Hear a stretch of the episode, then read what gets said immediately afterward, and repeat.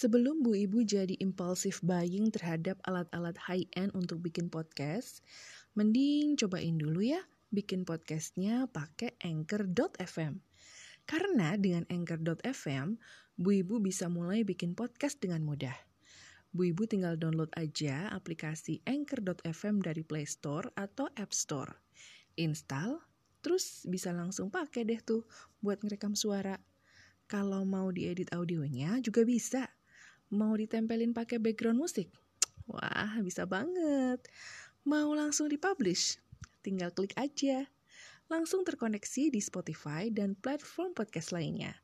Mudah dan gratis 100%. Oke kan, Bu? Download Anchor.fm segera. Bu Ibu, Assalamualaikum warahmatullahi wabarakatuh. Hey, udah hari Minggu lagi ya ternyata. Waduh, Bu, mau ngapain nih buat ngisi hari Minggu? Ngomong-ngomong kalau di rumah terus kok jenuh ya? Aku yakin ada bu ibu yang ngebatin kayak gitu. ya udahlah bu, keluar rumah aja, jalan bareng suami sama anak-anak. Ke taman misalnya, ke RTH gitu, ke ruang terbuka hijau gitu kan, cari udara segar sambil olahraga. Wah, Asik tuh kayaknya ya.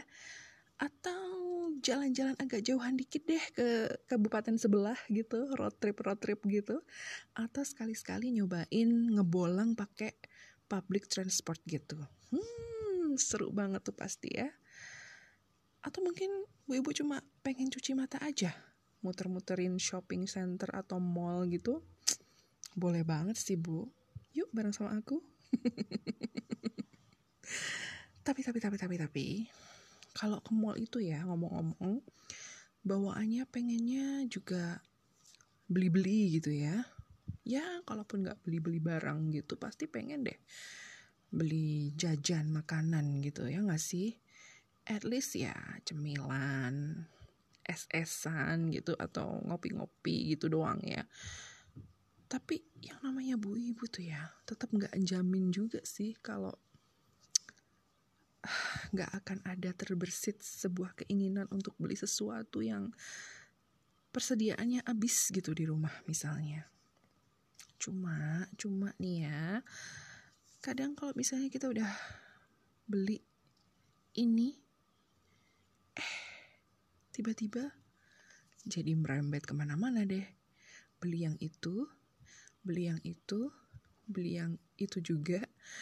Pokoknya tangan akhirnya nunjuk-nunjuk semua barang akhirnya dibeli. Hati-hati ya bu ya, ntar jadi impulsif buying loh. Wah, apaan tuh Bu Inung? Aduh, Bu Ibu nih pura-pura nggak tahu. Ya udahlah, yuk sambil siap-siap di hari Minggu ini, aku Ibu Inung akan nemenin aktivitasmu dalam podcast Bu Ibu.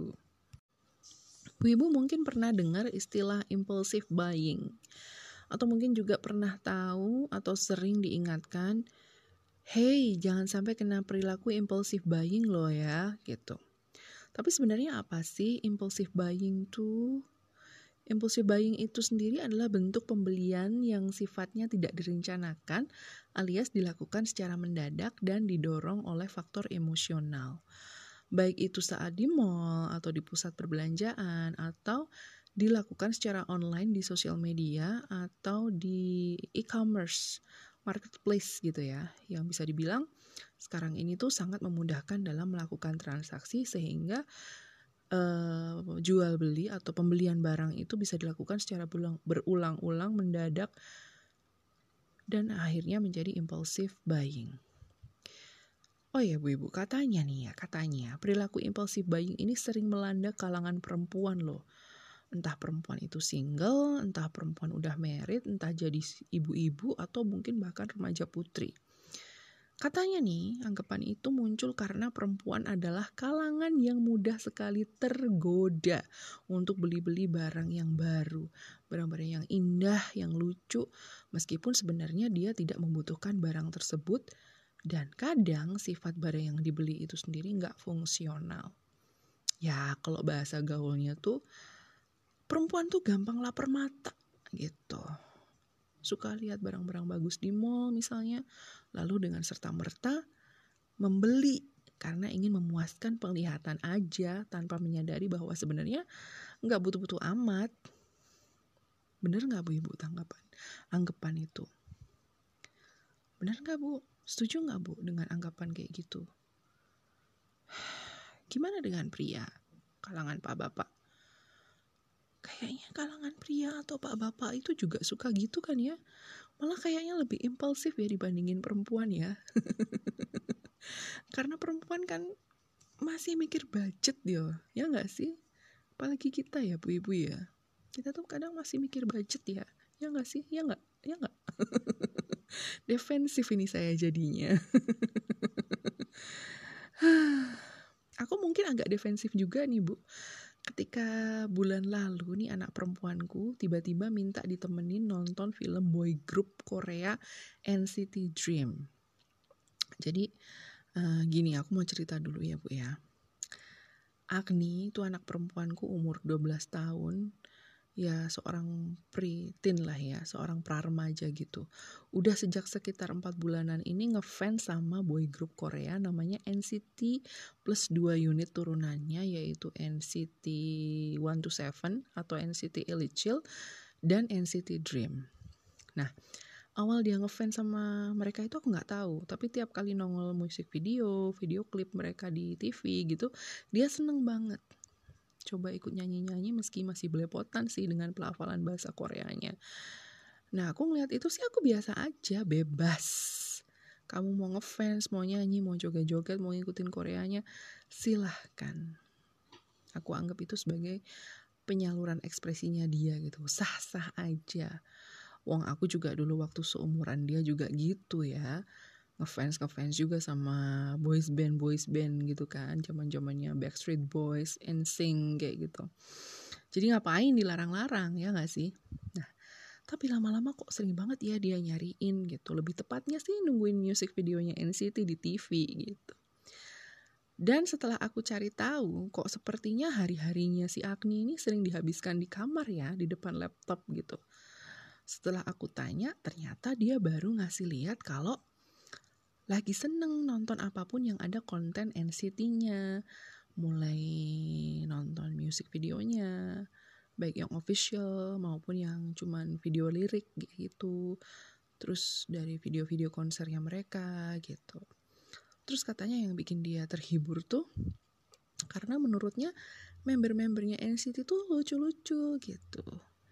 Ya selain lucu-lucu Kyowo Kyowo gitu ganteng-ganteng gitu ya dia sering nonton video uh, mereka tuh terus dia ngerasa anak-anak NCT tuh lucu komedi gitu loh komikal gitu loh. Jadi dia ngerasa relate dengan jokes-jokesnya anak-anak NCT gitu.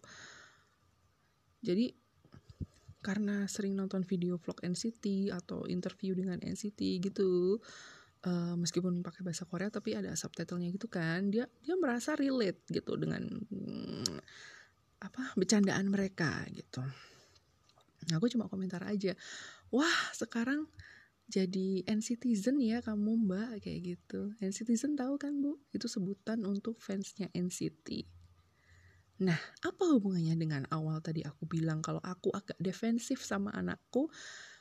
Pas anakku ngajak nonton bioskop film tentang NCT Dream. Karena harga tiket presale-nya aja udah tinggi ya. Itu yang pertama dalam hati aku batin gitu. Sekarang minta dibayarin nonton. Nextnya apa lagi nih? Jangan-jangan minta dibeliin merchandise-nya juga gitu. Entah t-shirt entah mug entah nanti dibeliin light stick gitu. Harga light stick itu kan ratusan ribu ya bu ibu ya. Dan buat aku yang seorang ibu rumah tangga kan harus ma harus masih mikir gitu. Beli sembako tiap hari ya kan aku aja inget dia pas ikut belanja bulanan gitu dia tuh ngambil uh, mie instan hijau itu beberapa pieces gitu. Jadi ada sebuah merek mie instan hijau ini yang memberikan bonus di dalamnya itu photocard member NCT jadi pas dia ngambil mie instan hijau itu beberapa pieces gitu kan aku agak mikir-mikir juga ya. Kalau ternyata udah beli setengah lusin tapi setengahnya zong alias nggak dapet PC card member NCT-nya kan ya gimana gitu ya. Aku juga kan yang keluar duit. Dari situ aja aku udah pasang alert nih bu nih. Alertnya gini jangan-jangan nih anak impulsif buying nih. Nggak dipikir dulu beli mie instan banyak-banyak buat apa gitu Meskipun nantinya ya dimakan juga dan sisanya bisa buat persediaan di lemari dapur, tapi kan dia nggak mikir bayarnya gimana, pakai apa. Karena yang dia tahu yang bayarin belanjaannya ya orang tuanya gitu. Ya iya sih wong dia masih anak-anak belum punya penghasilan sendiri. Tapi kadang jadi jadi miss dari list yang udah aku bikin gitu ya Bu ya. List belanjaan yang udah dibikin dan disesuaikan sama budget tuh jadi kadang ya over gitu. Mungkin di sini ada juga bu ibu yang berpendapat, aduh Bu Inung, itu kan amat sih sama anak sendiri. Padahal cuma mie aja bu, ya dikasih toh. Gitu. Bukan masalah hitungan sih bu sebenarnya. Tapi kayaknya memang harus justru diajari hitungan gitu ya. Maksudnya harus ada perhitungan dulu gitu. Kalau memang dia menginginkan sesuatu, yang di luar rencana budgeting kami. Supaya apa? Supaya bisa terukur biaya yang harus dikeluarkan tuh berapa, berapa, berapa, berapa gitu. Apalagi ini urusannya berhubungan dengan fangirling. Fangirling tahu ya, anak gadis yang mm, ngefans sama idolanya. Itu namanya fangirling. Di sini yang dikemari adalah sekumpulan idol cowok dalam sebuah boy group. Seperti yang aku bilang tadi NCT. Dan kayaknya udah bukan rahasia lagi ya Bu ya, kalau fangirling ini tuh deket banget dengan perilaku impulsif buying, terutama untuk barang-barang merchandise dari idolanya. Pokoknya segala sesuatu yang berhubungan dengan idolanya itu, entah itu cuma gambar logonya aja nongol di gantungan kunci, atau muka salah satu membernya jadi gambar sablon selembar t-shirt tetap aja dibeli. Fangirling tuh kayak gitu karena fangirling itu atau fangirl ini merasa bahwa mereka itu bisa deket dengan idolanya ya hanya dengan cara seperti itu. Apalagi kalau memang idolanya itu ada di negara yang jauh dari mereka dan untuk menggapainya itu memang mustahil untuk dilakukan. Jadi mereka memilih untuk mencoba mendekatkan diri mereka dengan uh, membeli merchandise dari si idola itu, punya collectible items gitu loh. Barang-barang yang bisa dikoleksi. Nah, memiliki collectible items dari idola itu selain dari bentuk celebrity worship atau pemujaan terhadap selebriti, itu juga bisa dibilang sebagai pembuktian bahwa seorang fan girl juga bisa jadi bagian komunitas besar fan idola tersebut alias fandom. Dan anak-anak mulai usia tertentu seperti anakku misalnya yang uh, eh, 12 tahun ketika dia merasa bahwa dia ada di bagian komunitas besar fandom, dia merasa ada pride tersendiri ketika dia tahu fandomnya itu besar, skalanya worldwide gitu. Dia merasa senang, happy bahwa dia berada di satu komunitas besar. Dan kayaknya emang hampir semua K-pop lovers seperti itu ya. Ya gak sih? And I don't blame my daughter for becoming K-pop lover gitu karena mungkin memang virus menggemari K-pop, K-drama, K-original soundtrack atau K-movie itu juga dapatnya dari aku. dari K-pop generasi pertama juga aku udah suka. Cuma Beberapa tahun sempat terhenti dulu karena sibuk dengan urusan uh, beranak pinak ya sampai empat begitu. Terus beralih dengan menikmati tayangan-tayangan anak-anak seperti Disney Junior, Coco Melon gitu ya, dan juga Baby Bus. Tapi aku juga tahu kalau banyak boy group Korea bermunculan juga seperti NCT itu aku tahu. Cuma seumur umur aku menggilai K-pop dan K-drama dan K-soundtrack itu aku bisa ngaku kalau aku nggak pernah impulsif buying loh bu. Ya palingan beli kimchi sama makanan Korea kayak gimbap gitu. Maksudku aku bukan keluar duit buat collectible items gitu loh. Paling apa sih? Oh sweater sweet games. Nah mungkin kekhawatiranku ke anakku yang fan, girling NCT ini nggak terlalu beralasan ya belum-belum udah takut anaknya impulsif buying, ngabisin duit buat beli-beli macam-macam merchandise gitu. Padahal juga itu nggak akan mungkin terjadi kalau misalnya aku atau bapaknya itu nggak ngasih izin. Karena memang keuangan kan masih dihandle aku sama bapaknya kan gitu. Cuma pernah sih aku tanya mbak kamu apa mau beli light stick juga? gitu.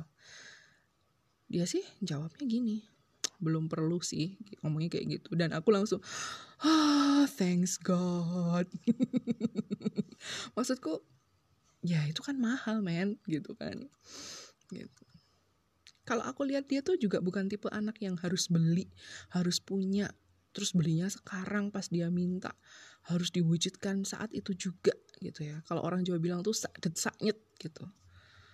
Dia untungnya dia bukan tipe fine girling yang seperti itu. Wah, kalau ternyata dia seperti itu, wah ya, mana ada duitnya.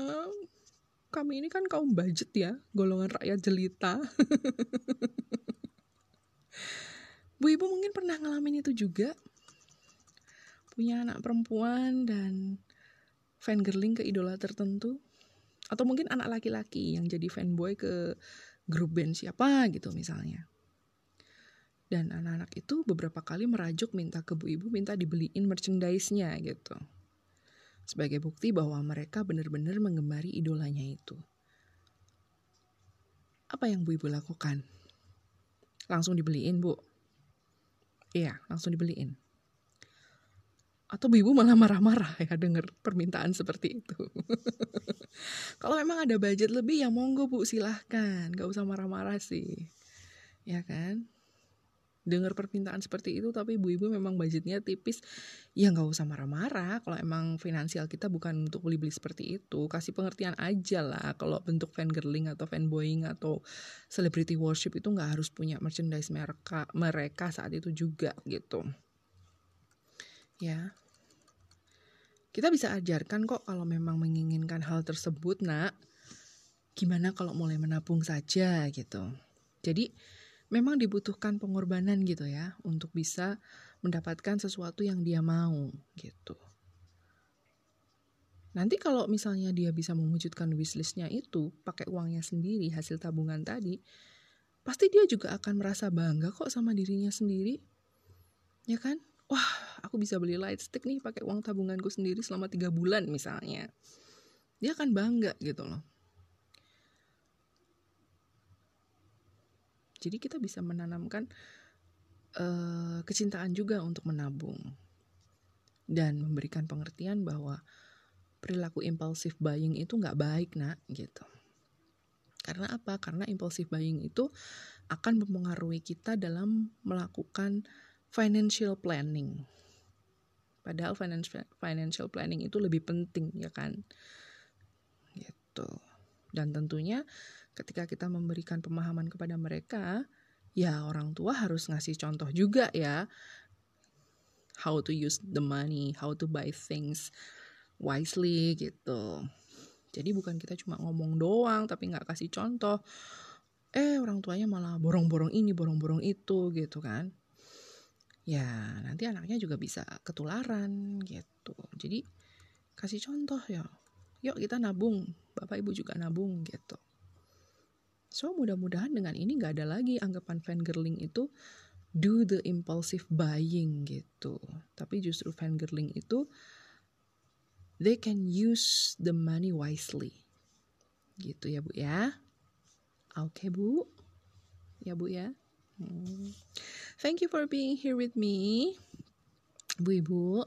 Anyway, episode ini adalah bagian dari tantangan 30 hari bersuara yang diselenggarakan oleh komunitas The Podcasters Indonesia, Bu. Dan kalau misalnya Ibu mau impulsive listening ke podcast Bu Ibu, silahkan loh Bu. Silahkan, justru boleh banget kalau impulsive listening. Jangan ragu-ragu, oke? Okay? I'll see you again, Bu, di podcast Bu Ibu berikutnya. Aku Ibu Inung. See ya!